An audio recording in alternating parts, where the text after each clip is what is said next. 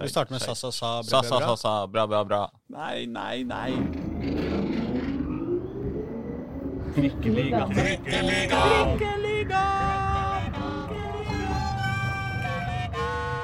Mine damer og herrer, og eventuelle andre som måtte dette innom, velkommen til Trikkeligaen sesong 2, episode 43. Eller er det 4? Jeg husker ikke lenger. Jeg har ikke gjort god nok research. Jeg beklager. Jeg heter Aslak Borgersrud i alle fall. Sammen med meg i Dagsavisens eh, grønne, grå og nyinnreda podkaststudio i Grubbegata har vi Pål Karstensen Hei, hei. og, og Håkon Thon. Sa, sa, sa! Og det eh, bringer oss jo rett videre til eh, ukas eh, høydepunkt i Oslo-fotballen. Vi har enda et Obos-ligalag. Da-da-da, hurra! Hey! Skeid rykka opp etter en mm, skal vi si, middels overbevisende prestasjon eh, mot, eh, hjemme mot eh, Rosenborg 2. Ja, 12-0, knepen seier. Ja, altså Det er jo et lag som knuste opprykkskonkurrent Egersund eh, 6-1. 6-3 ja, i uh, uka før. Og så, og så går Skeid hen og vinner 12-0. Uh, det lukter av overtenning på Nordre Åsen. Ja, det var ikke så mye ja, Skeid spilte en bra kamp, men Rosenborg 2 var jo fryktelig dårlige. De spilte jo med 16- og 17-åringer, hadde ingen med seg fra laget og ga opp uh, i andre omgang. Ja. Det, var, det var nesten flaut å, å se på, fordi det var litt sånn I første gang så prøvde de liksom å spille litt fotball. I andre gang så bare gikk de rundt der, og det var liksom ja, altfor lett for, for Skeid å, å, å skåre. Og Abel Strenshus skårte jo seks mål, som jo er strålende. Han er jo toppskårer nå i, i divisjonen. Det stoppa på seks, ja. Det var ikke bedre. Han kunne, ja, han skårte et sju nå, men det ble, dømt off, Eller det, blir, eh, det ble omgjort til eh, selvmål etter, eh, etter kampen. Jeg syns jeg så, at det var sju, jeg, på, men eh, Ja, men Men det er rått at ikke de har et snev av medlidenhet engang. At når du er på seks og sju, så er det på en måte sånn Nå kan vi bare trille ball, på en måte. Vi så det jo seinest når Liverpool møtte Manchester United. Da, så var det jo, da spilte Liverpool bare sto og trilla ball i hele andre omgangen. Og jeg ikke, jeg hadde ikke lyst til å gjøre det noe verre enn det var. på en måte Det var ille nok. Uh, italiensk fotball også så er det en sånn uskreven regel at hvis du kommer da på fire-fem måls ledelse, så bare Da blir vi enige om at nå, nå lar vi det ligge, på en måte. Men Skeid møter uh, disse trøndere. Nei, bare, bare vi dobler. Vi kjører på, går fra seks til tolv, liksom. Det er En av de tingene jeg virkelig setter pris på i barnefotballen, er at når du ligger med er det tre eller er det fem mål over, eh, så, så får det andre laget sette inn en ekstra spiller. Jeg tror Jeg det hadde hjulpet noe her, altså. I den kampen her. Nei, men hvis det, hvis det dobler det, da, når det er hvis det blir en to-tre ekstra spiller hvis, det er- ja, eller hvis, det er, hvis det er en ekstra spiller per hvert tredje mål over, da, så er det jo, det er jo klart det er jo 11 mot 15 i en periode. Da kunne det kanskje blitt jevnt. Jeg tror fortsatt hadde tippa sånn Skeid en 3-4-0-seier mot, mot 15 mann. Men fortell om åssen stemninga var der. Det var jo utsolgt, eller i hvert fall nesten Det var veldig mye billettbonanza, og Over- ja, var det fest på Nordre Åsen? Fest var det. Over 800 var der. Det har ikke vært så mange der siden serieåpningen mot HamKam forrige gang. De var i uh, Obos-ligaen. Eh, kjempegod stemning. Hele tribuneseksjonen der uh, oksene står eh, rundt omkring, var, var stappfulle. Det var masse folk på, på vår side der presten eh, satt også. Så eh, nei, det var veldig, veldig gøy. Det var jo aldri noe tvil eh, om seieren. Nei. Men så var det jo da eh, Jeg håper å si Det var ikke tvil før kampen engang? Nei. Nei.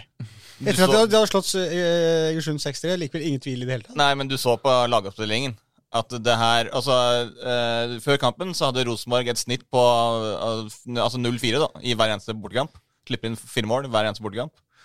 Og nå stilte de bare med 16-17-åringer mot Skeid, som jo da var det beste laget. Man vet aldri hvis det er 16-17-åringene plutselig har de dagen og ungt energi og bare freser til. Men Er det rett og slett fordi at de som sitter på benken for Rosenborg til vanlig ikke gidder å dra på bortekamp med Rosenborg 2? De bare gidder å ta hjemmekampene? Ja, De spiller ikke så mye der heller. Ah. Det er stort sett han der eh, Rasmus Widesheim Paul som har vært litt inne på A-laget. Mm. Som har vært med. Og så han eh, Eyolfsson, midtstopperen, spilte forrige kampen mot Egersund. Mm. Ellers så var det liksom det, det det er litt kanskje det som du ser på Rosenborg 2 også, at det er et nivå for høyt for de da, Mm. de spillerne som er der. Så det er kanskje at de har valgt liksom å bare kanskje stabilisere seg på et, et hakk ned, så de får kanskje mer jevnbyrdig motstand. Ja.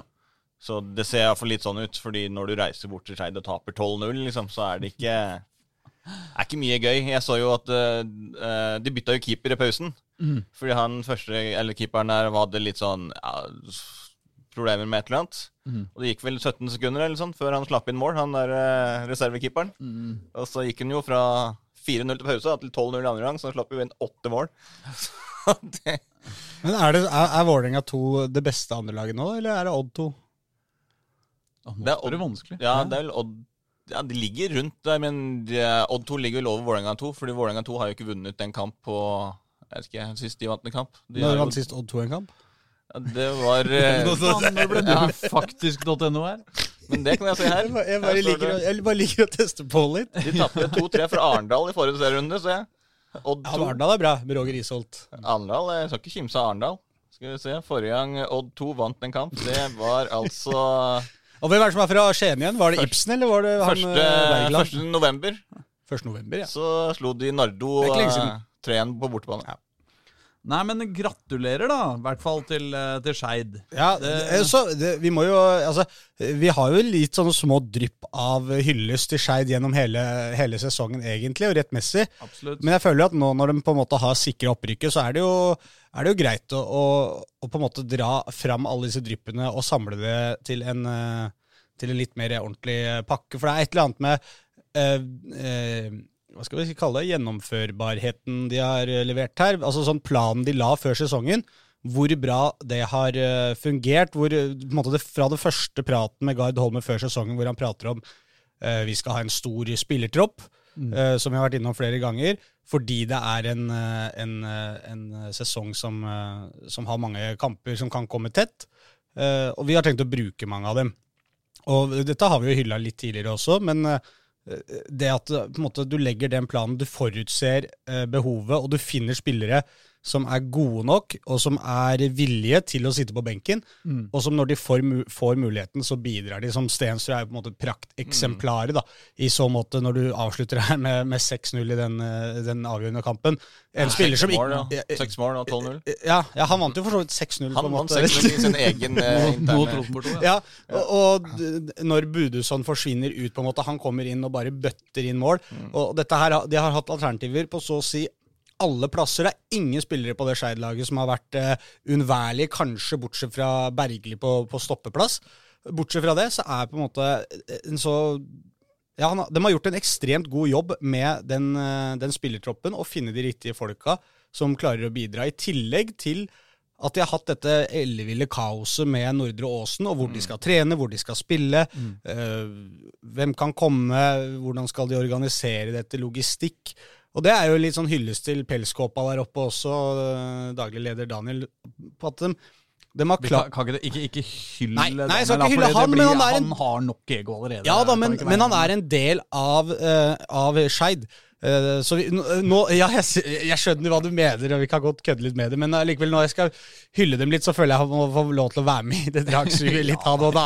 Men uh, litt, Morten eh, Berre kan vi hylle. ja, vi kan hylle Morten Berre og Gard Holme og alle spillerne. Melkjord kan du også hylle. Ja da, Melkjord må hylles. Ja, ja, jo, men alle spillerne, selvfølgelig, som jeg sier, troppen uh, og det her, men, men Men jeg er enig med deg. Altså, Håkon, Ja, ja. Altså, den, altså, te, den situasjonen hvor du har ligaens soleklare toppskårer som scorer og scorer, og som holder laget på en måte oppe på egen hånd eh, helt oppe i teten, og så blir han skada, og så dytter du inn en uh, unggutt som bare er enda bedre. Ja, og samme, han Matai eh, Kar... eh, Ka? Ka? Ja, eh, Ka. Ka? Men så har du også riktig. Gabriel Andersen, Andersen, som også er en spiss der. Som jo kommer eh, enda bak der i køen. jeg si. mm. Han har spilt en del på, på Skei 2, men han i siste på slutten kom til inn her og har hatt mange viktige bidrag. For eksempel mot Egersund eh, i den eh, viktige kampen borte. Det kan jo det viser seg å bli helt avgjørende at de greide å komme tilbake igjen i den kampen.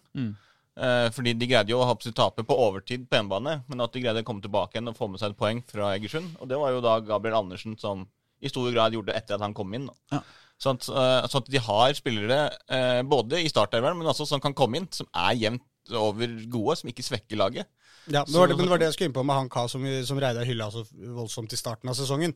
eh, som han syntes var så god i både treningskamper og starten av eh, de første seriekampene. Og, og så ble vel han, fikk vel han seg også en skade, og da var det inn med Anders Johan Johansen der. Og de, sant, de har rullert sånn på nesten alle plasser. Så, Keepersituasjonen òg. Keeperen også også jo- med han øh, Hva heter han for noe? Gundersen? Ja, for de hentet fra, fra Moss. Ja. Eh, og han var jo liksom førstekeeper i starten. Mm. Og så kom jo Kåre inn. Eh, eh, om det var en suspensjon Han sto vel i cupen, om det var en suspensjon eller en skade eller et eller annet. Og så kom jo han inn. Og så etter det så bare sånn Oi, jøss, han her var jævlig god. så han bare stått. Men, men det er det jeg mener, den jobben der med å finne disse spillerne som er klare til å bidra. Og det er ikke bare spillerne som har det genet, det er jo selvfølgelig jobben som blir gjort av trenerteamet også, som forbereder en, prater med dem. Eh, de forstår situasjonen i klubben. Det, det, er en lang, ses- eller det er en lang sesong med mange kamper som kan komme tett. Vi trenger mange spillere. Alle forstår at ikke de kommer til å spille alle kampene, men alle må være klare til å bidra når sjansen byr seg. Og det har de lykkes med. Og det er eh, på en måte suksessfaktoren sånn eh, Kanskje det, det, det sportslige største suksessfaktoren de har hatt, faktisk. Ja. Nei, det er helt, det er helt rått. Mm. Og det er kjempegøy. Ja. Og Obos-ligaen til neste år blir jo, uh, blir jo altså så moro. Det blir Trikkeligaen, det. Ja, det blir, eh, det blir Trikkeligaen. ja. Og det kan bli sånn som den saken som vi lagde med, med de etterpå, om altså, hvorfor de er bedre rusta eh, den gangen her. Så, så peker jo også Jonny Budøsson på at når du da sannsynligvis da rykker ned med Strømmen og Stjørdalsblink, og får opp Skeid og Kongsvinger, som også har vært veldig solide i år, så blir det ikke Det er ikke mange eh, klare bunnlag i eh, Obos-ligaen. Sånn, så den, den siste halvdelen der, da, gjerne med, med Kongsvinger og med eh, Skeid, gjerne Bryne, Grorud, eh, de lagene nedi der. Altså, Der blir det en knalltøff kamp liksom, gjennom hele sesongen. Det er ingen av de som, som er klare bunnkandidater. Sånn, så, så det blir en veldig interessant og jeg tror en, altså nesten enda, om det er mulig, enda mer jevn Obos-liga enn neste år. Enn, Så får vi håpe de har en ordentlig hjemmematte å spille på, da. Ja, det, det, men ja, det, nå må de jo ta tak i det. Og det har jo styrelag Kanskje vi på tampen skal uh, hylle bare For å hylle Ferdigskeid, hylle litt supporterne også. Oksene. Ja, de, Fordi at det, er noe spesielt uh, morsomt med uh, når, når vi reiser rundt og dekker de laga vi har, så er det ikke all verdens supporterkultur bestandig på alle arenaene. Men Skeidoksene de møter opp uh, stort sett overalt og, og følger dette laget og lager ganske bra stemning. Og det skal de ha. De har ganske ålreite sanger også. De er gode til å dikte oppe på Nordre Åsen, syns jeg. Uh, det var vel bare tre kanskje nede i Egersund der, da, men, øh, men, men bortsett fra det så har de vært det- det, er, det, er, det er et realt stykke å dra av, da. ja, jeg Jeg syns ikke det er så gærent Nei, det er å det. greie å flytte tre folk til Egersund for en uh, uh, andredivisjonskkamp. Ja, Men det, altså, men det er en viktig brikke, det òg, med, med supporter. Det er jo en del av klubben, og de, er, de har bidratt til opprykket, de også. Og nå det, de få Alle deler av den klubben har tatt store steg siden de rykka opp forrige gang. Fordi da har de jo I 2018 så slo de jo sammen altså det som da var Skeid fotball og Skeid. Nå har du liksom en hel klubb som har et felles mål om å skape noe rundt klubben. da. Så alle drar i samme retning. Både si, fra spillertroppen, eh, trenerteamet, men også bak kulissene med daglig leder Daniel og, og liksom de som jobber eh, rundt han i klubben, og supporterne. altså Alle har liksom et samme mål eh, om å komme inn, og, og det, liksom, det gjør at klubben nå er bedre rusta for det opprykket her. Fordi da har de liksom De har vært gjennom det for ikke så veldig lenge siden. Mange av spillerne har litt sånn eh, mer erfaring på, på det nivået. Og da trenger du liksom ikke den derre eh, Gjøre alle de feilene i starten, da. Både organisatorisk kanskje, men også for klubben, til at du får en kanskje bedre start da, på, på oppholdet i Obos-ligaen. Ja. Ja, og så og så er det alle disse Det er jo ofte man snakker om hvor gamle er, er supportere, og det, det er en del litt eldre supportere av Skeid òg, men det er noe sånn koselig med det òg, når man ser alle de som har vært med Skeid i så mange år. Nå er det ikke så lenge siden de var i første divisjon likevel, men det er noe med at man unner en del av den eh, klubben der eh, suksess. Og det, det er morsomt at de nå får det, og at de forhåpentligvis skal få lov til å spille eh, en hel sesong med førstedivisjonsfotball på Nordre Åsen. Og, og slippe å, Å, Tror vi på det? Ja. Ja. Jeg, har mye Jeg har større tro nå enn jeg hadde forrige gang. Ja, fordi, fordi de, Da skal de ha flomlys på plass. Og så skal Nei, altså, ha nei flomlys trenger de ikke, fordi du ser jo på eh, Altså, Det hadde vært fint hvis det var flomlys på plass, men det er jo for det første altfor dyrt. Mm. Og det er ikke noe som Skeid kan gjøre selv. Sånn, så Da må de jo ha med kommunen Mm. i langt større grad. Eh, men hvis du ser på ja, Strømmen, som er rett borti her, eh, de har jo ikke flomlys, de spiller jo. Ja. Eh, Grorud eh, har ikke flomlys, de spiller jo. Eh, Koffa akkurat det samme. Ja. Sånn, så det er veldig mange eksempler på lag som ikke har flomlys, som Ja. bare må spille tidligere på dagen, Ja. og da altså får dispensasjon. Men det er jo matta, liksom, om De skal jo drive og skifte Altså Den har det jo vært snakk om skal skiftes ut, og bymiljøetaten står på sitt, men styrelederen her har jo nå gått ganske langt i å garantere at den skal skiftes ut. Mm. Som han sa til meg i et intervju her som eh, kommer til å bli publisert i en av de nærmeste dagene. Hvis, eh, altså hvis bymiljøetaten ikke går med på det, så kommer vi bare til å okkupere tomta, og så bare sånn snikgrave den opp, og så legge på ny matte. Fordi det her eh, eh, kan vi ikke Vi kan ikke ha det sånn lenger. Både Rebellene fra Torshov, sivil ulydighet og Men Ja. det teller som sivil ulydighet? Koffa har jo gjort akkurat det samme. ja, det? ja, Og da teller det ikke sånn, mener du? Eller? Nei, men altså, det var jo ikke noe Det var jo en, etter en deal med kommunen. Det, det var jo avtalt, det med Ja ja, samme ja, det. ja det, er- men, Men eh, sånt, det er jo det, det er greia var at at det sist- kommunen kommer til å nekte Skeid å, å legge sin egen bane hvis de uh, har lyst til det. Jo, det har de allerede gjort. For det selv. Det har de allerede gjort. En gang. Har de det? Ja. Så, så det Men uh, uh, jeg, det tror Altså, det, jeg, alle signaler peker på at det blir bedre nå enn forrige gang. For forrige gang så prøvde de også det samme, men da måtte de flytte på en, eh, til Intility. Men, men for, forrige gang så var, var de jo midt i uh, ombyggingsprosessen da de var i første runde, så det var jo ikke noe bane på Nei. Nordre Åsen i det hele tatt. Det er det jo i hvert Det er det jo nå. Jeg håper eh, i det minste at de får den banen på plass, sånn at vi kan slutte å snakke om den jævla banen. Fy faen, jeg er lei av den gressmatta. Ja, det, det er, at jeg sier det. er det Norges er også. mest eh, omtalte gressmatte? Ja. Ja, men altså, det, det er ikke, det er ikke kødd engang. Hvor ofte snakker du om altså, Kanskje Ullevål, liksom, men hva, hvor ofte snakker du om andre baner? Jeg føler at gressmatta på Brann stadion snakkes også jævlig mye om ofte. Ja, og Levermyr. Eh, Jerv sin. Ja. Ja, men det er bare fordi det er gøy å si levermyr. Ja. Ja. Eh, Alle gressbaner snakkes det mye om. ja, Ja, men, det- eh, det er men det er- kunstgressbaner er det jo ofte ikke så mye snakk om. Nei, Nei. det er kjedelig. Kunstgress. Det, Det er kjedelig. Heia kunstgress, Kunstgress, sier nå jeg. Eh, men eh, Ja, skal det, vi- det får være en annen diskusjon. Ja, det får være en annen diskusjon. Um, Så, ja. Skal vi uh, si oss fornøyd med Det er jo vanskelig å ikke heie på altså For å si altså Ditt, ditt kunstgresslag De fikk seg jo en ordentlig opptur her med, når Bodø-Glimt vant 6-1 mot Roma, og, og Mourinho skyldte på kunstgresset. Altså, det er jo tydelig at kunstgress er jo vår greie. Vi må få kunstgress på Ullevål, er vel eh, Ja, ja det, er litt som, det er litt som at nordmenn eh, i herrefotballen så skal nordmenn være to meter høye, ha skjegg og, og eh, store brystkasser, sånn at vi vinner alle kamper på corner. Eh, Ja, det er ikke bare fotball. Alle nordmenn skal være to meter høye. Ja, og ja. være ja, det er ikke bare herrer, og det er ikke bare fotball. Nei. Nei. nei. Ja, og, Og det er på en måte vår forse. Ja. Eh, og kunstgress kan på en måte være en del av uh, historien om nasjonen Norge. Eh, Den må skrives inn i den veldig mye yngre Edda. Ja, ja. den yngste. Det kan jo du forfatte, Borgersrud. Absolutt. Den yngste. Edda. Um, Skal vi bare, før vi forlater eh, Eller skal vi forlate Skeid? Den ulovlige unge Edda.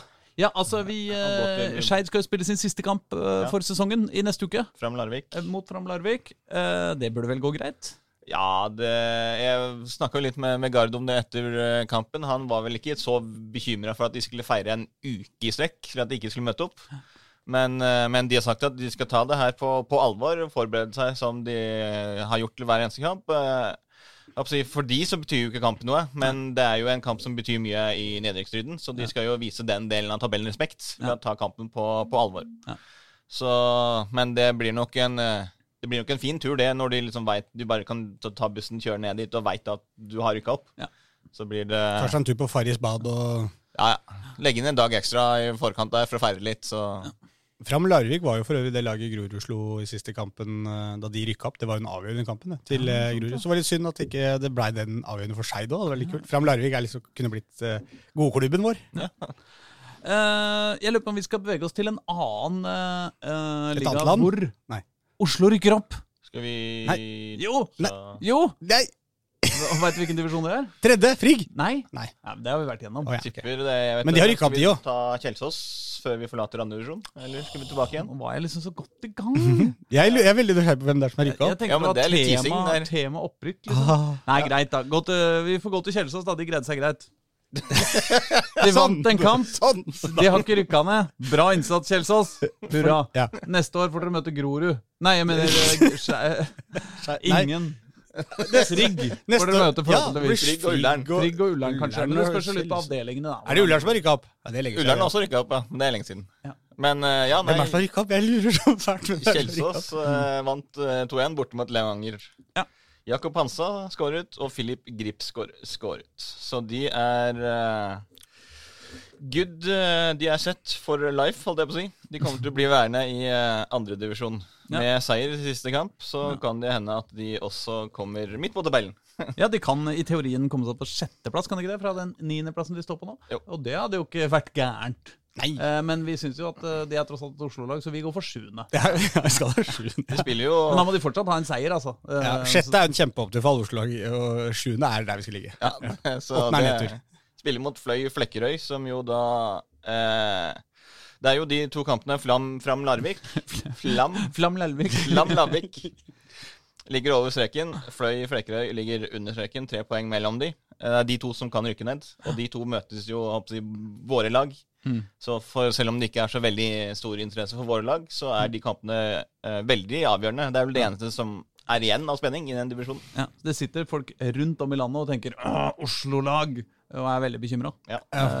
og det skal de få lov til. Ja, for det bør de være òg. Ja. Vi, vi gir F nå. Ja, ja, nå skal vi senke skuldrene og vise hva vi er gode for. Nei, men Skal vi fortsette den opprykksteasinga, da? La den ligge litt til. Og så går vi ta til heller til den divisjonen som uh, Skeid skal spille i i neste år.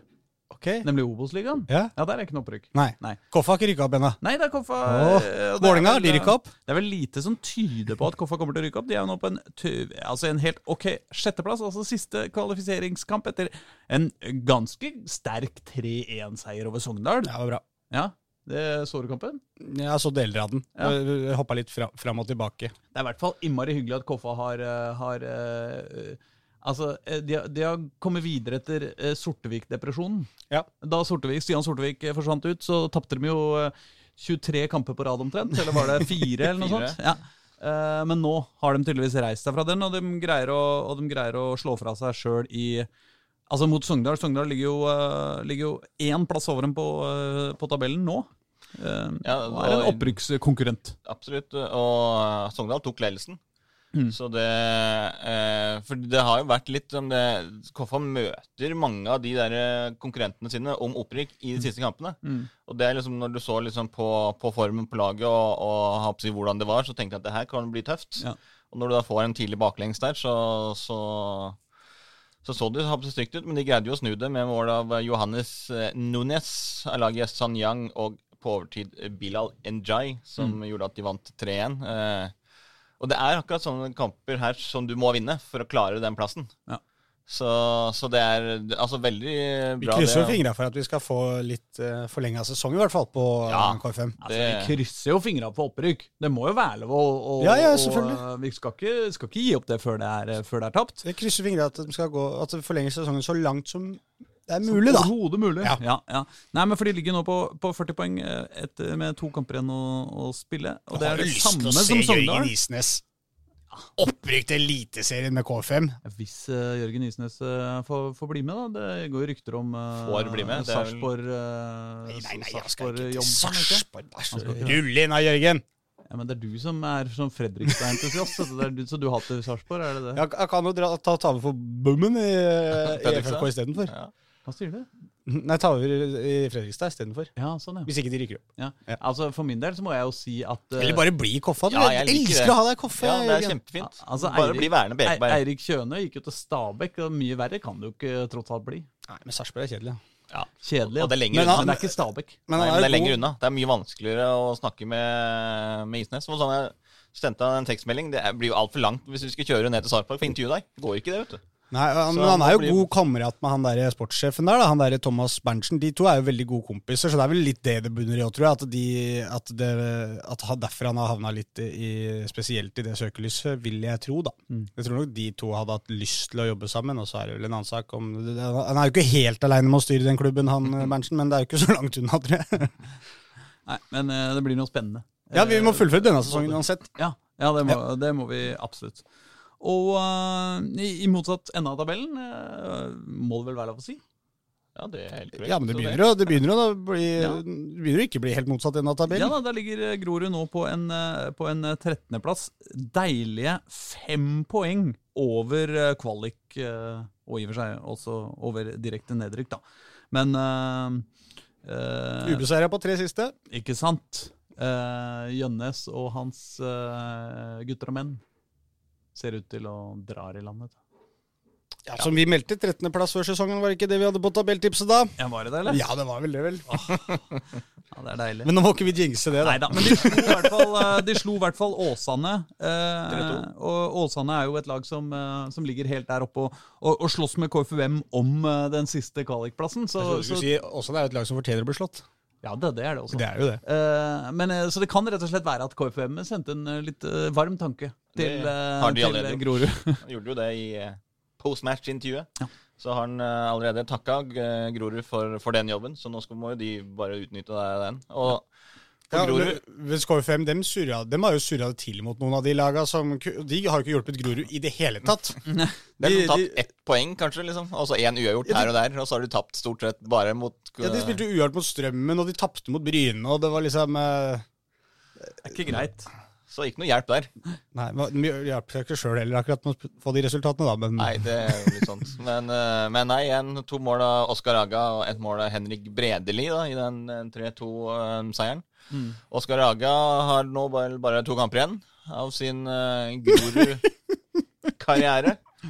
Og det må jo sies at eh, si det som de håpte på i, uh, i sommer, å beholde Aga og Sofeiris uh, og slippe dem etter sesongen for at de skulle berge plassen, det har slått til. Ja, det, var ganske, det- det var ganske bra levert. Ja. Men kult av gutta òg, da. Av Aga og Safaris. Det er jo et eget ønske her også om å fullføre sesongen i Grorud. Ja. Så det er, det er selvfølgelig ikke noe overraskende at Grorud hadde hatt lyst til at de skulle fullføre sesongen, men at de selv hadde et så sterkt ønske om det, og helt åpenbart hadde det også, for de har levert på banen i, i disse kampene som har vært òg. Vi var jo litt skeptiske til eh, Oskar Haga en liten periode der, hvor han hadde en dupp og ikke skårte på en eh, tre-fire mål, men eh, kamper. Men det var, han var Ja, litt men sånn han småsjuk og skada en, en periode også. Så den kampen mot KFVM på Ekeberg, der var han jo en skygge av seg selv. For da hadde han jo vært sjuk i ja, ti dager eller sånn, og akkurat kom tilbake igjen. Så det tok litt tid for å spille han inn, men eh, Jeg er veldig spent på hvem, de kommer til å kjø hvem som på en måte ender opp på den midtbanen der. Eh, Jeg tror, jeg tror de må ha inn en spiller nå, etter at de har mista både Høyland og Safaris i løpet av denne sesongen her. Så må de ha inn noe på midten her. På angrepsplassen så virker jo han der Bjørn Martin Christensen å være ha, ha det eh, som Grorud ofte leiter etter. Ung, lovende, ambisiøs type som har kvaliteter, helt åpenbart. Så, og så har de jo fremdeles noen i bakhånd der. De har jo fortsatt Fredrik Pettersen i troppen, og de har jo Elsebutangen og litt sånne ting. Så, så akkurat den der plassen til Aga er ikke faktisk, selv om det høres rart ut, så er ikke det den jeg er mest bekymra for for neste Nei, sesong. Ikke sånn som Bjørn Martin har, har levert nå på Nei. høsten. Og det har eh, Altså, der skal uh, eh, Johan Jønnes Nilsen og, og co. der ha mye skryt for. Han Og Thomas jo Holm, ikke minst. Ja. Som tross alt uh, har jo avla opp uh, Ja, ja, ja. Christensen Ja. i, i Nordstrand, som Ja. vi hørte mer om i forrige Ja, ukes eh, eh, bonus. stemmer. Han fikk jo nesten ikke spille på forsesongen, altså fram til sommeren, når, eh, når Bergo var trener der. Mm. Men så altså den jobben som Johan Jønnes Nilsen har gjort med, med det Grorud-laget her etter at han tok over, det har vært eh, formidabelt, altså. Fordi eh, eh, altså, de så veldig døde og begravet ut eh, i ganske lange deler av perioden av sesongen. Og at de nå eh, berger plassen med ganske grei margin, som det ser ut til. Mm. Det, er en, det er en sterk prestasjon. Ja, bra gjort. De, eh, det er det. Men eh, det kan ikke få like mye hyllest som det, som det Skeid eh, fikk, altså. Fordi tross alt.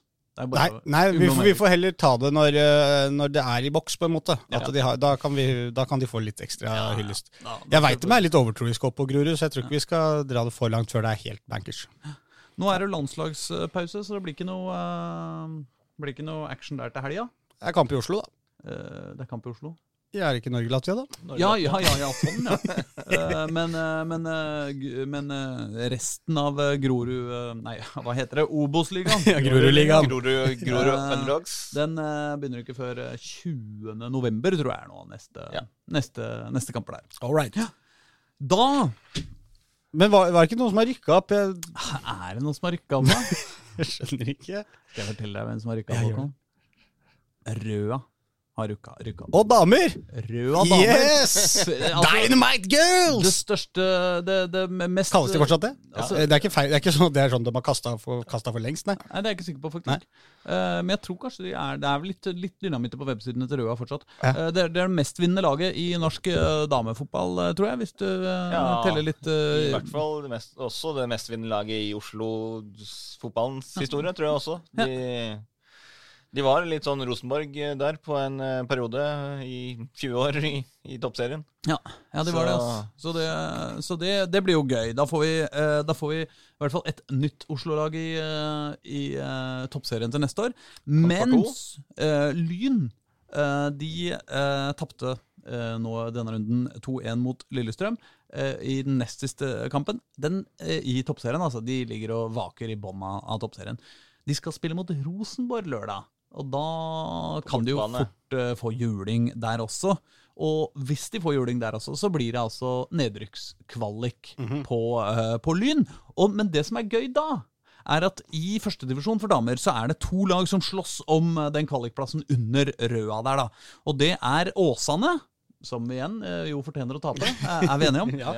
Og Øvrevoll Hosle. Sjølveste yeah. Oslo-laget. Øvrevoll Hosle.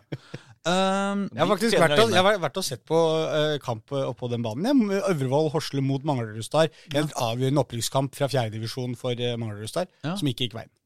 Nei, det gikk ikke veien. Men det som er, er at Åsane og Øvrevoll Horsle møtes på lørdag i den siste kampen i førstedivisjon. Uh, Hva sa du nå? De Åsane og Øvrevoll Horsle møtes? Ja. ja. Ja, så Så det det er, blir en opprykkskvalifisering. Ja, Her i Oslo? nei, uh, dessverre i eh, Bergen. Okay. Eh, men sånn er det jo.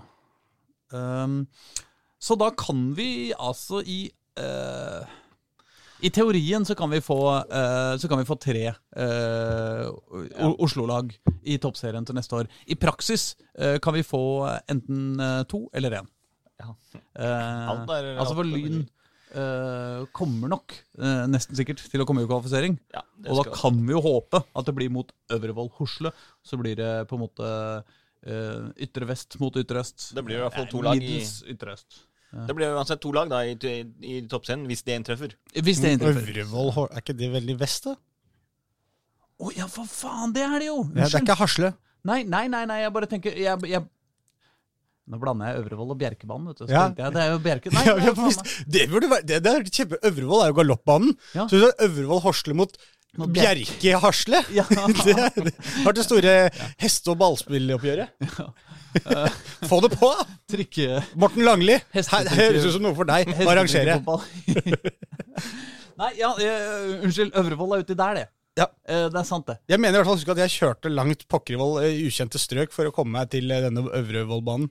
Eller hva den het. Ja, ikke veit jeg. Det er nesten så jeg får lyst til Nei, jeg veit. Helt åpenbart at ikke du vet. Sjekke hvor uh, er Lyn, har jo, Lyn har jo fire tap på rad. Alle er ettmålstap. Og det er sånn, jeg har ikke fulgt med så nøye på Lyn denne sesongen, men jeg føler at de har ekstremt my mange kamper som har bikka feil vei. Ja, og, og det er akkurat det med, med ett mål. Ja. Uh, her altså Gjerne på overtid. Ja. taper liksom Enten taper du eller slipper inn mål på overtid, så det blir liksom ettmålstap eller De Du får uavgjort i seire, og så får Ja. de tap i de uavgjorte. Liksom, ja. Altså, Vi må jo faktisk diskutere der eh, til neste år vi får et alvorlig dilemma. Ok. Eh, fordi eh, Dilemma er gøy. Øvrevoll, sjølve banen, eh, altså eh, hestebanen, hva heter det? Ja, Travbanen? Øvrevoll galopp. Galoppbanen. Ja. Ja, hva det nå heste... Der hvor hesten er, det ligger eh, drøye 200 meter utafor bygrensa. Eh, og den bygrensa- Galoppbanen? Ja. Eh, det er vel den, den bekken der, hva faen heter den da? Eh, Heter vel Bekkenstua, da. Den heter Lysakerelva. Rett utafor Lysakerelva. Men eh, så spørsmålet er jo om Øvrevoll Hosle spiller på Røabanen, som jo ligger i Oslo. Mhm. uh, Riktignok bare et uh, bitte lite steinkast uh, inni Oslo, men likevel. Ja, ja. Men, men- innan, men- altså, jeg som er fra Mortensrud årslag, vi argumenterer veldig sterkt for at er det innafor bygrensa, så er det innafor bygrensa. Ja. Men Øvrevoll Hosle er hvert fall, tilhører i hvert fall Oslo fotballkrets. Ja. Uh, uansett uh, hvor de måtte, uh, hvor, hva de måtte finne på, og hvor de måtte spille. Men det må jo være mulig å finne ut hvor de spiller Det hjemmekampene spiller sine. Ferd Ja, Arena Hosle. Det. spørsmålet er om det er god radio, om vi skal google mer av dette nå. Ja, nå står, har jo allerede Ferd Arena Hosle, står det. Ja, det, høres ut som, det høres ikke ut som Oslo, faktisk. Nei, det er enig, faktisk. Hosle Fe- Men det er, det er kanskje bare fordi det fyret heter Ferdufyr at vi tenker det. Vi kan jo være så enkle i huene våre. Eh, Det kan være at vi skal utdefinere Øvrevoll Hosle fra Oslo-fotballen, sjøl om de både har et navn som nesten har Oslo i seg, eh, og sjøl om de spiller i Oslo idrettskrets. Fordi vi kan ikke forholde oss til idrettskretser. Nei, vi må forholde oss altså, til bygrenser. eh, hvis jeg søker opp Ferd Arena Oslo Oslo her, det, det er ikke i Oslo. Fuck 'em! Det er noen kilometer nord for Nadderudhallen, liksom. Så vi er i tjukkeste Bærum her. Ja, ja. Ja, Da håper vi at det går til helvete. Ja, det, da håper vi på at uh, Lyn beholder plassen. Ja. Samme det! Uh, for øvrig, uh, førstedivisjondamer uh, tømmes også for ett uh, et eh, lag, uh, nemlig Grei. Grei kvinner er i ferd med å rykke ned fra, fra førstedivisjon. Det er selvfølgelig trist. Jeg var på Greibanen i forrige uke, faktisk. Eh, Da kan du google Greibanen, Pål, og så kan du fortelle lytterne hvor eh, Greibanen ligger også. Det ligger langt ute i Groruddalen. Der har jeg vært. Nord for Ammerud. Der har jeg jo vært, fordi der var jeg jo når eh, de åpna Greihallen sin. Ja, det var rett ved den mine eh, jeg var eh, i forrige uke. Det var en ekstremt god dommer eh, på, for, for Grei i eh, gutter omtrent 10-12 år. Var det der Groruddalen fotballklubb spilte òg? Var det på Greibanen? Nei, det kan jeg ikke tenke meg. Hvorfor ikke? Å, Groruddalen fotballklubb? Ja, det var et ja, sånt sammenslåingsprosjekt. Ja. I så fall så har jeg vært der også. Veldig fin bane. Ja. Det er, eh, den er liksom sprengt litt inn i veggen eh, i fjellveggen. Ja, det er den, ja. Det er, det er koselig, altså. Ja. Det, det minner meg om eh, hjemmebanen til Rijeka i Kroatia, som har altså en stadion som er Ja, sprengt ut i fjellsida, helt nede på stranda. Ja. Eh, veldig fin. Jeg var der faktisk og så Klemetsrud opplysningskamp der. Ja, Klemetsrud Rijeka. Nei, mot, nei, mot Ja. ja, nei, mot Grei. Ja. Eh, med supporterbuss og full pakke. Oi, Det var kult. det er stas. Men ble, med Budusson på banen for uh, Klemetsrud. Da Uh, skal vi bevege oss uh, Ja, vi, vi kan jo like så godt uh, bevege oss opp til, uh, til Toppserien. eh, toppserien. Eh, vi har jo på en måte vært nesten der og sparka allerede. Åssen gikk det med Vålinga da? Jeg gikk ikke veien.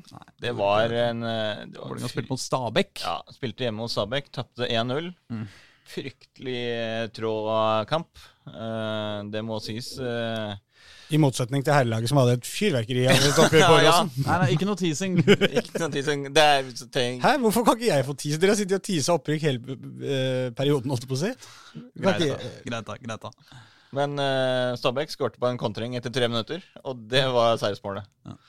Eh, Vålerenga det var, det var mye det var tungt. De, de greide liksom ikke helt å skape noe i den første omgangen. Da var det eh, Gjorde noen bytter, eh, prøvde seg på litt sånn formasjonsendringer og sånn, og satte inn eh, noen spillere, annet Elise Thorsnes, og fikk en god del To kjempesjanser på, på slutten der, men Stabæk-keeper Sunniva Skoglund var veldig, veldig god. Redda alt som kom. eh, Hadde et, en kjemperedning helt oppe i krysset fra et langskudd fra Catherine Bott, blant annet.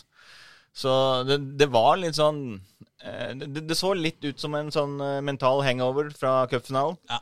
Eh, At de Ikke om at, at de var ferdigspilt, men de, men de greide liksom ikke komme i gang med, med altså det ordentlige spillet sitt som de hadde. Det ble litt sånn slurv og tilfeldigheter og litt feilpasninger og litt sånt. Og Det som er irriterende, er jo at dette var jo uh, Vålerengas siste sjanse til å, eh, til å kunne utfordre om eh, medalje. Hvis Vålerenga hadde vunnet den kampen, så hadde de vært to poeng bak LSK kvinner eh, før siste serierunde. Men nå er de fem poeng bak. Eh, til gjengjeld er de tolv poeng foran femteplass Arne Bjørnar. Så den siste serierunden kommer nok ikke til å påvirke situasjonen for Vålerenga damer nevneverdig. Tror jeg vi må slå fast. Heller ikke for Klepp, da, som jo rykka ned i forrige serierunde. Som jo det er motstanderen til Vålerenga siste serierunde. ja, fint å få med det. På lørdag. Nei, bare tenkte, Borte. eh, Det var gøy hvis du bare skøyt at at uh, skulle ta opp status på Klepp også. Vi må ikke glemme Klepp oppi det heller. Nei, nei. Det er jo tross alt fordi de spiller mot Vålerenga. De har rykka For alt, for alt Aslak vet, så kan Klepp være fra Oslo vest, de. Ja, det, Flate, hvor lenge må jeg, det, er, det, er bra det er jeg som sitter, det, er jeg, det er bra det er jeg som redigerer denne podkasten. Her skal det klippes! Og, og, og til dels kan bestemme hvem som blir gjest neste uke. ja, ja, ja, ja, det, det blir ikke noe mer invitasjoner til Håkon Thon med det første. Det- absolutt, ja, det var jo i det minste han som redda, redda oss unna. Ja, Ja, takk skal du ha. Eller var ikke meg du snakka om. Jo, eh, det var egentlig deg. Nei, men skal vi eh, Hadde du, Var det noe mer å si om den eh, miserable surrekampen der, eller? Nei, det er egentlig ikke, det er egentlig ikke det. De, De de hadde en god mulighet til å ta, til å ta medalje med at de skulle spille mot Stabæk og Klepp de to siste kampene, mens Lillestrøm hadde borte mot Sandviken, som jo da vant serien i denne helga. Men når de da ikke greier det, eh, å slå Stabæk på hjemmebane, så får det Altså, da, da får det være eh, Da får det være. Altså, da blir det sånn det blir. Som fjerdeplass. En sur fjerdeplass. Ja. Så kommer de nok sterkere tilbake igjen neste år, når de får eh, De får jo spilt inn det laget her i løpet av året. Kanskje ikke så mange utskiftninger, kanskje et par nye til. Eh, så ser vi jo Vi så jo mot Sandviken i cupfinalen. Altså, det høyeste nivået deres er jo skyhøyt. Ja. Så, så det er eh, eh, Men det er jo spørsmålet hva i huleste man skal eh, fylle på. da. Nå mista jo Vålerenga altså Marie Dølvik, eh, en av de eh, som, som på Molde aldri helt har greid å etablere seg i laget fordi hun har vært så mye skada og fram og tilbake. Men når hun har spilt, så har hun også levert noen av de aller aller beste prestasjonene som Vålerenga damer har hatt i, i den perioden hun har vært her. Ja, Eh, skåret jo begge cupfinalene.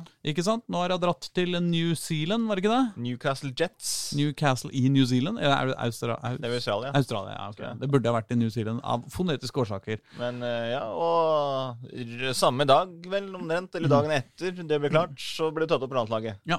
For Men det, første gang siden 2015. Så det er jo hyggelig for Marie Dølvik. det skjer jo med de fleste gjestene vi har eh, her i podkasten. Altså, av Vålerenga damer så har vi hatt to gjester i podkasten. Begge spiller nå på landslag, og eh, begge skårer i cupfinale. Ja, så det er bare å Og melde Aksel seg Bergo er ferdig i Grorud.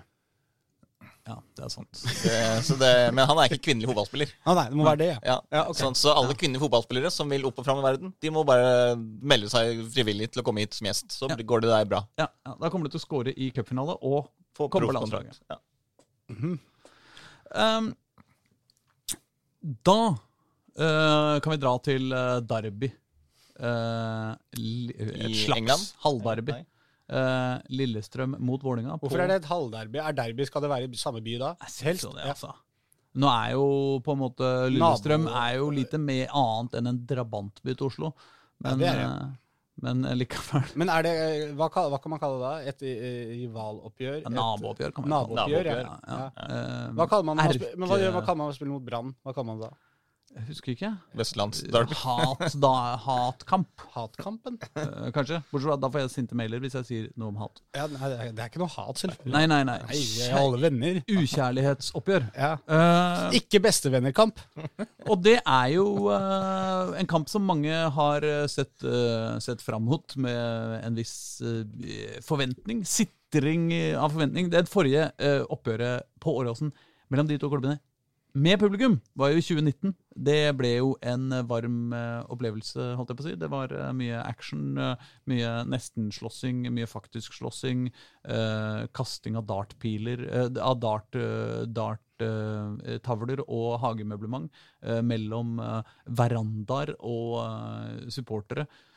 og lignende action. Det var jo også det øyeblikket, eh, et av de mest GIF-vennlige øyeblikka i norsk eh, fotball. Eh, Da, Han supporteren som tryner over uh, Nei, nei, nei, det var seinere. også. Nei, det var ikke den kampen. Å, nei. Det var hjemme mot Brann. det.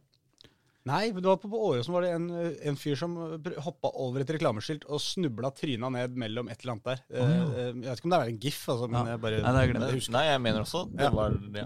Men Johan Ellefsen i, er det ikke han heter? i Fotballforbundet, sikkerhetssjefen, som eh, løper ut på banen og vifter med arma febrilsk som i 'Nå skal denne kampen stoppes, og det bestemmer jeg'. Ja. Hvorpå dommeren gikk bort til han og bare du, uh, altså, 'Det er jeg som er dommer. Det er jeg som bestemmer over denne kampen fordi jeg er dommer'.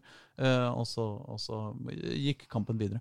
Uh, men det var i hvert fall en veldig sånn actionfylt Og det var egentlig Jeg snakka med flere som var på bortetribunen den gangen, i 2019.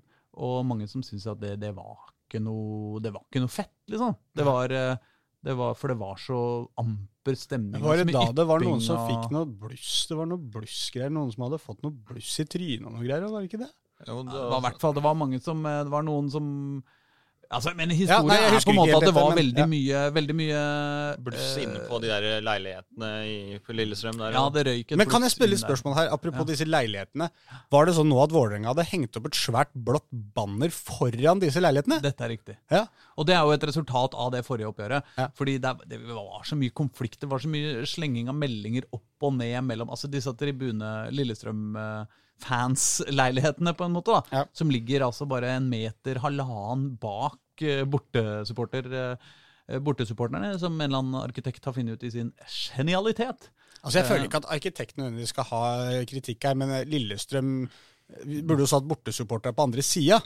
ikke der, De kunne jo bare flytta på bortesupporterne. Men det er klart, da hadde vel Kanarifans blitt rasende, for de skal jo stå borti den der eh, på langsida på hjørnet der. Så, så Ja, ja. blir fornærmet da. Det blir bråk i hjørnet der, da. Ja. Så ja. Men uh, det er i hvert fall Noen må gå. fryktelig dårlig løsning eh, der. Så da, men da hadde Jeg veit ikke hvordan det kom til. Det var nok helt sikkert etter en avtale med Lillestrøm, og det var nok organisert sånn.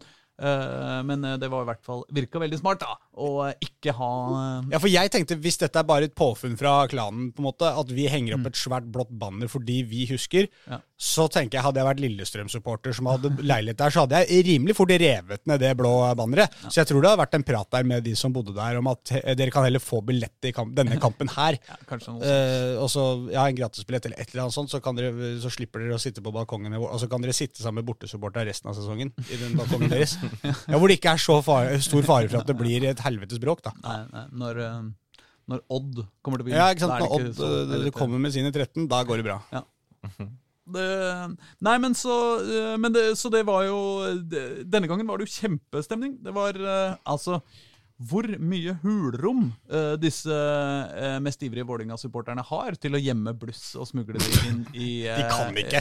De, jeg nekter å tro at Det det, er hulrom de gjemmer alt det der i. De må jo bare spasere rett inn med en ryggsekk full. Eller? Nei, nei, nei, nei, de blir stoppa for ryggsekker. ass. Det er, dette her er gjemt på kroppen, tror jeg. Kanskje det er sånn der, Jeg husker jeg hadde en kamerat fra Bergen Eller hadde, hadde, han er fortsatt en kamerat fra Bergen. Han, ja, men han snakka om at de hadde hva, hva var det han kalte det for noe? Jeg husker ikke. det var eh, Mannepung, eh, kalte de det bare. Som var bare at de teipa eh, en pose med noe alkohol, altså noe sprit, rundt balla. Eh, og så kunne du gå inn med det, og så kjøpte du cola på staden og blanda. ikke sant? Så det er jo sikkert noen sånne løsninger. Det er jo gjerne rundt genitaliene at eh, vaktene er ikke så nøye der, men allikevel skal godt gjøres å få med deg 100 bluss nede i bokseren. Ja, Altså. det var det var mye blussing, i Ja. Og det var jo gjennom hele kampen. Og da kampen starta, så starta den jo selvfølgelig ikke, for da måtte den utsettes i en tre-fire minutter fordi det var jo røyk over hele banen. Eh, Bluss ble kastet inn. ja, det var et par anledninger hvor noe bluss ble, ble kasta inn. Eh, Så måtte stoppes andre gang òg. Dommer Kristoffer Hagenes. ja da, jeg tror det ble Jeg tror det var en to-tre litt sånn pauser, småpauser i løpet av kampen eh, fordi det var, var for mye røyk eller bluss på, på banen. Men i det hele så var det liksom god stemning, da. Både, både eh, Kanari-fansen og, eh, og VIF-klanen eh, var, i- var i toppform. Eh, Det må det være lov å si. Og, eh, og alt var kos og gøy. Eh, Så eh, Unntatt de der blussa på banen, altså. Men, men, men så bortsett fra det, kampen. så var alle glad.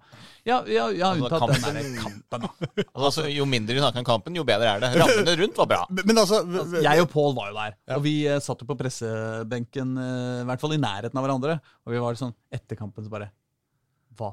Altså, da, da, som journalist da, så må man i hvert fall sånn som Paul da, jeg bare liveblogger, men eh, man må jo som journalist skal man jo da gjerne ned i mixed zone etter kampen og eh, finne noen spillere å intervjue, ha kanskje be, kanskje be om spesielle spillere ut ifra hvilke eh, situasjoner som har vært på banen som er ekstra spennende, eller om det har skjedd noe interessant, hva man skal følge opp. Og altså, det var vel litt tungt, eh, Pål, å, å finne ut hva i huleste hvem det var du skulle be om å få snakke om på Vålerenga, og hva, hva i huleste vi skulle ta opp i det hele tatt. Ja, det skjedde jo nesten ingenting gjennom hele kampen for Vålerengas del. da. Lillestrøm hadde vel var det to eller tre skudd i stolpen. Ja, to, to i stanga og én uh, rett utafor. Ja, så, så Lillestrøm hadde jo det lille som skjedde, men for Vålerengas del så var det, det det var fint lite som de, de skapte gjennom hele 90 minutter, og det var eh, Det var liksom ikke så mye sjanser heller. Det var liksom De prøvde å Altså, de forsvarte seg litt sånn, og så var det Prøvde de litt i angrep. Noen lange baller på Sidi Jatta i første omgang, eh, som ikke ble noe særlig av. Han gikk av til pause. Odin Thiago Holm kom inn. Det, det, ble aldri noe særlig spill for Vålerenga. altså. Jeg var nesten helt sikker på at når han Dikko Eng kom inn på tampen der, og hadde det raidet sitt, feide forbi, vant et hjørnespark, aller siste som skjer i kampen Ja. jeg, var jeg var nesten helt sikker på at nå skårer Vålerenga. Jeg bare følte som på Lillestrøm-spillet at de var nervøse og bare skal, det, skal vi slippe inn nå, få det jævla jubelbrølet fra klanen tre meter unna og bare så var det selvfølgelig litt for dårlig slått hjørnespark, og det ble ikke noe ut av det. Så det var jo for dårlig kvalitet. Det var jo liksom oppsummert hele kampen. Det var sånn noe her og noe der, og så bare nei. Ikke Generelt for dårlig kvalitet Ja. var det på det meste. Egentlig både det eh, Lillestrøm holdt på med, men også Vålerenga. Så det var det var det som du sa. Altså, jeg, det var liksom ikke så mye du kunne ta tak i etter kampen. Altså Selvfølgelig, eh, rammene var veldig fine. Og, og, og alt sånt. Blussing. Og det var liksom Det er jo et hat, hatoppgjør mellom Lillestrøm og Vålerenga, som det alltid er. Men det er liksom utover det så var skjedde liksom ingenting i kampen. Altså Det var jo liksom den ene situasjonen der med, med Lajoni og han eh, Daniel Gustavsson. Som jo kanskje var liksom det som var å skrive om. Der Lajoni mente jo at han ble både utsatt for en hevnaksjon, og at han prøvde å skade han fordi han ikke fikk frispark i den forrige situasjonen.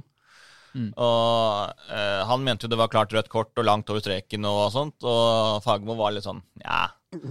Det, altså, jeg syns ikke taklingen var så stygg, men det er jo eh, Altså, det er jo det er jo en åpenbar hevnaksjon. Det er det jo, fordi når Lajoni tar det returløpet, dytter hun av ballen, han ikke får frispark, så ser du jo at han, han spretter jo bare opp igjen og går inn med dødsforakt, liksom, for, for å klippe ned La- Lajoni.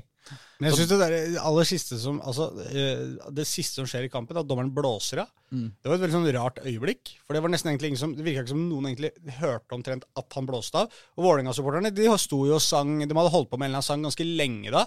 Og det virka som at folk var sånn Å ja, er det er det, å, altså, Er det over det kan ikke være over nå, på en måte. Det, har ikke skjedd- noe det ennå. har ikke skjedd noe. Det føltes ut som han blåste av kampen etter 20 minutter. Så, så følte jeg, var, jeg følte, Som tilskuer, bare sånn jeg satt hjemme og så dette Jeg følte at som tilskuer så gikk man derfra og tenkte sånn Jeg kunne godt vært, kunne godt vært der litt til. Jeg hadde ikke gjort meg noen ting. Jeg hadde stått her og bare Jeg hadde ikke trengt å spille fotball engang. Vi kunne bare stått og sunget stanger og hat mot hverandre på tribunen. En helt grønn gressmatte uten spillere, på en måte.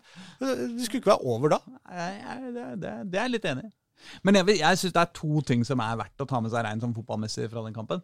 Det ene er jo at Vålerenga eh, gjør jo et visst forsøk på å, å tette igjen eh, hjemover, og som er, virker litt mer ektefølt eh, nå enn sist. Eh, midtbaneleddet og forsvarsleddet var litt tettere. Eh, ble ikke det der store romma foran midtstopperne som det har hatt en tendens til å bli. Um, og som eh, jeg syns de fikk det ganske bra.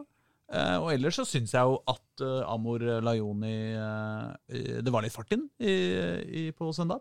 Han, han hadde mange innlegg i boksen og dessuten gjorde sånn skikkelig returløp. blant annet det som førte til at han ble, ble utsatt for hevnaksjon etterpå. Men, men det, jeg har vært litt sånn skeptisk til Amor Lajoni. Altså, jeg syns han, han er ikke så god med ballen og sånn. Men, eh, men eh, jeg, syns han har tatt seg opp litt de siste kampene. Det, det Produserer ikke nok. Det er jo det som Altså, men det er litt Altså, eh, Lajoni Altså, han jobber jo mye, men det, det skal han også ha at eh, si, eh, returløpene hans har jo blitt mye bedre. Altså, I starten der så var det jo litt som at han ikke følte at han hadde noe behov for å løpe ned, for han skulle bare være oppe der og skape masse ting og skåre. Men eh, Så det, der har han blitt bedre, og det var han også mot, eh, mot Lillestrøm. For det er som du sier, altså de, de har blitt bedre i forsvar, og det er jo også av at de uh, kantspillerne tar sin del av det defensive ansvaret. Ja.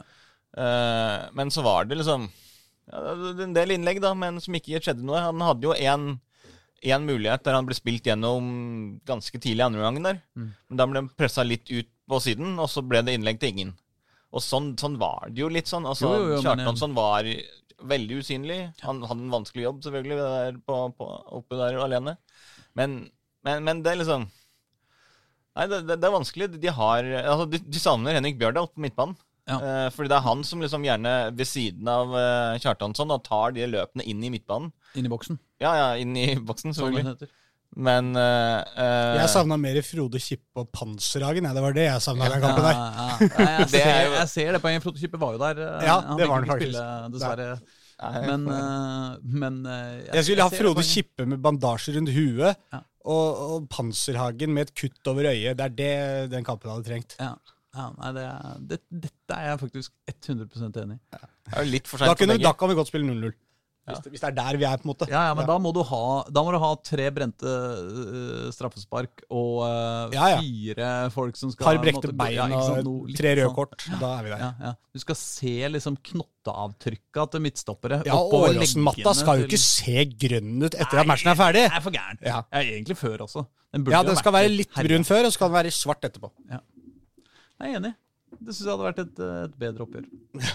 Men, Men nå øh, skjedde det i stedet ingenting. Men det er jo liksom det man alltid legger opp til i disse, disse kampene her da, mellom Vålerenga og Lillestrøm.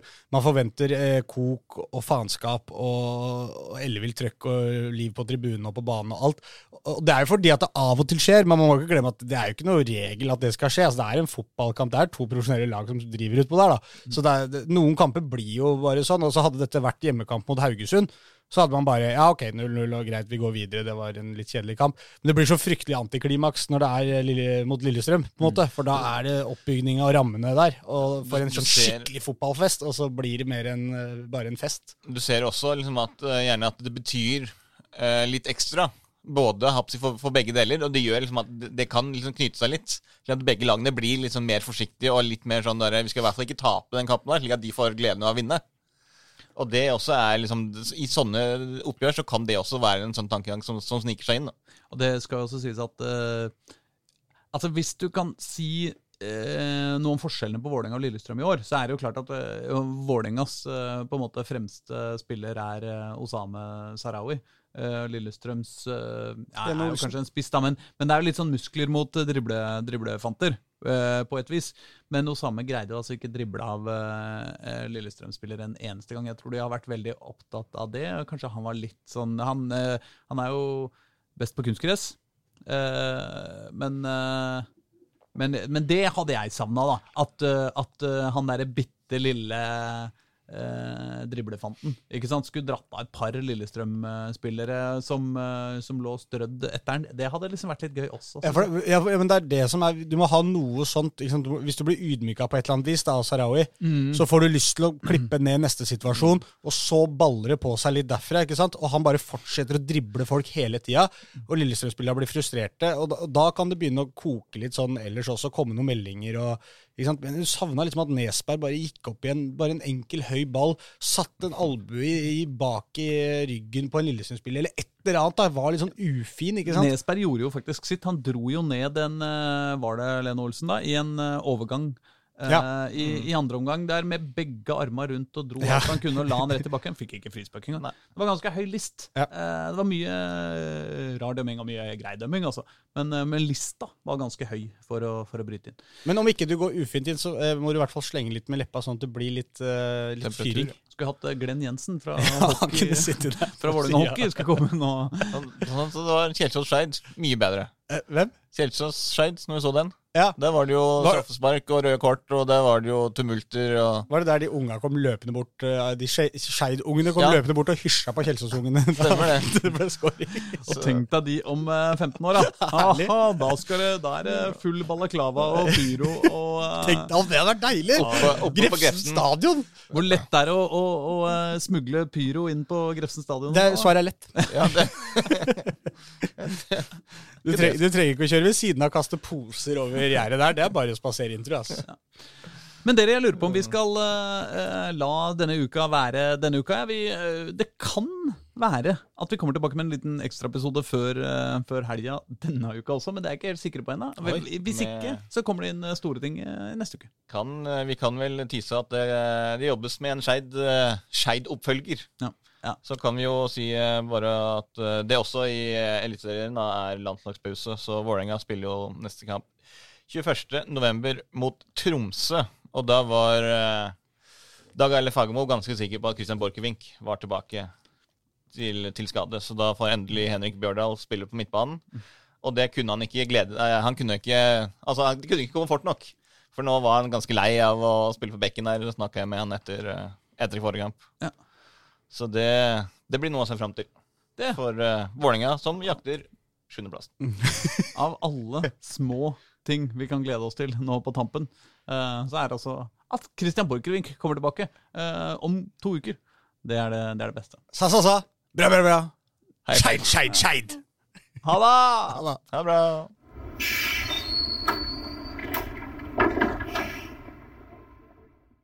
Du har hørt en podkast fra Dagsavisen. Ansvarlig redaktør heter Andreas Heen Haaland Karlsen.